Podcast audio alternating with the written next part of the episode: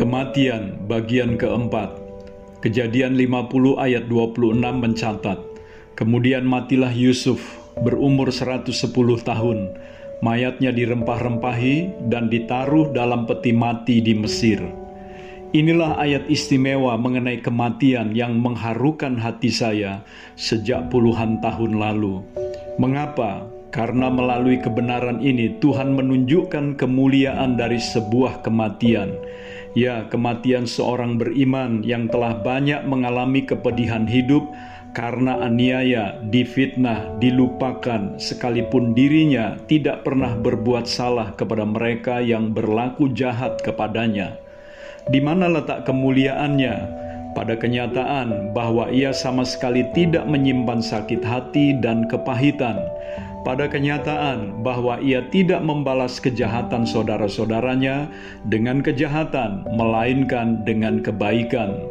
Yusuf bahkan menutup kemungkinan pembalasan yang mudah saja dia lakukan karena kedudukannya yang sangat tinggi melalui pengampunan sepenuh kepada mereka. Yusuf mati dengan penuh kemuliaan karena ia mati tanpa membawa sedikit pun kekecewaan dan kepahitan baik kepada Tuhan maupun kepada orang-orang yang telah menyakitinya. Kemuliaan kematian orang beriman tidak terletak pada berapa umurnya, apa kedudukannya, dan berapa banyak kekayaannya yang dimilikinya di bumi, atau sanjungan-sanjungan orang lain terhadap dirinya, tetapi pada keadaan hatinya yang berdamai dengan Tuhan dan sesama. Stefanus adalah sebuah contoh lain di Perjanjian Baru. Ia mati secara mengenaskan karena dirajam oleh orang-orang yang mengaku beragama. Tidak ada kesalahan yang mereka bisa dapati dalam diri Stefanus, dan besar kemungkinan hal itulah yang justru membuat mereka berpendapat bahwa Stefanus harus disingkirkan karena dia dapat menjadi duri bagi sistem agama Yahudi pada waktu itu. Mari kita membaca kalimat yang diucapkan martir pertama itu menjelang ajalnya. Sedang mereka melemparinya, Stefanus berdoa. Katanya, "Ya Tuhan Yesus, terimalah rohku." Sambil berlutut, ia berseru dengan suara nyaring, "Tuhan, janganlah tanggungkan dosa ini kepada mereka." Dan dengan perkataan itu, meninggallah ia. Kisah para Rasul 7 ayat 59 dan 60. Dari perkataan Stefanus ini saya belajar. Yang pertama, ia mati dengan hati yang penuh kerelaan. Sementara orang banyak melemparinya, ia tidak menyesal bahwa dia harus mengalami hal itu karena kebenaran tentang Kristus yang telah diberitakannya. Ia tidak menyesal sama sekali kalau harus mati karena imannya kepada Kristus. Ini dibuktikan dengan perkataannya, "Ya Yesus, terimalah rohku." Justru saya merasakan nada sukacita dan pengharapannya akan segera bertemu dengan Kristus yang telah dia lihat ketika langit terbuka berada di sebelah kanan Bapaknya. Sementara di pihak lain, anggota-anggota Mahkamah Agama itu marah dengan kertakan gigi yang menakutkan. Sebuah pemandangan yang penuh ironi, karena yang dianiaya jauh lebih berbahagia dari yang menganiaya.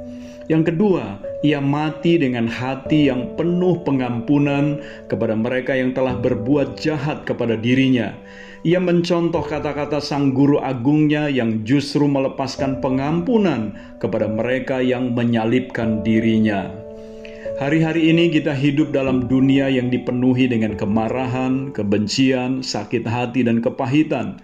Penyebabnya banyak sekali, bisa karena sebab ekonomi, sosial, dan terutama kasih di antara banyak orang yang semakin pudar, termasuk di dalamnya hubungan-hubungan di dalam rumah tangga atau dengan anggota masyarakat lainnya yang tidak harmonis.